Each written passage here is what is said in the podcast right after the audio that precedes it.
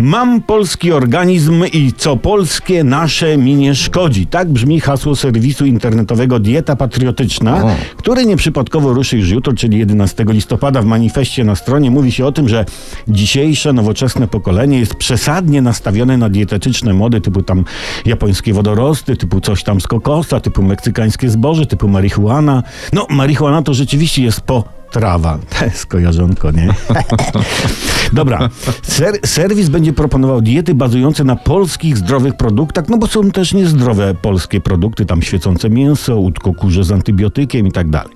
No nie w smak jest tego typu portal kołom zbliżonym do kręgów postępowych, które bezsilnie wyśmiewają ideę.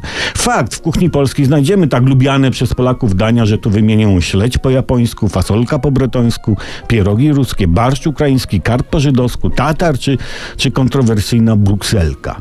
Ale też warto w diecie patriotycznej zaproponować potrawy, które powiedzmy nie tylko zaspokoją podniebienie, przełyk, żołądek i resztę przewodu pokarmowego, że tu nie wspomnę, ale także zaspokoją ciekawość co do tego, co się u nas dzieje.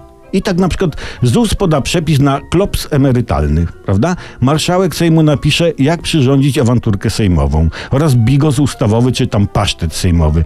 Władze Warszawy podsuną przepis na kasę korupczatkę. No o, o, od tej dobrej potrawy można dostać kamienicy nerwowej czy tam nerkowej. Dobra, a jutro święto niepodległości. Danie obowiązkowe to barszcz czerwony zabielany albo barszcz biały na burakach. Smacznego, kochani, świętujcie.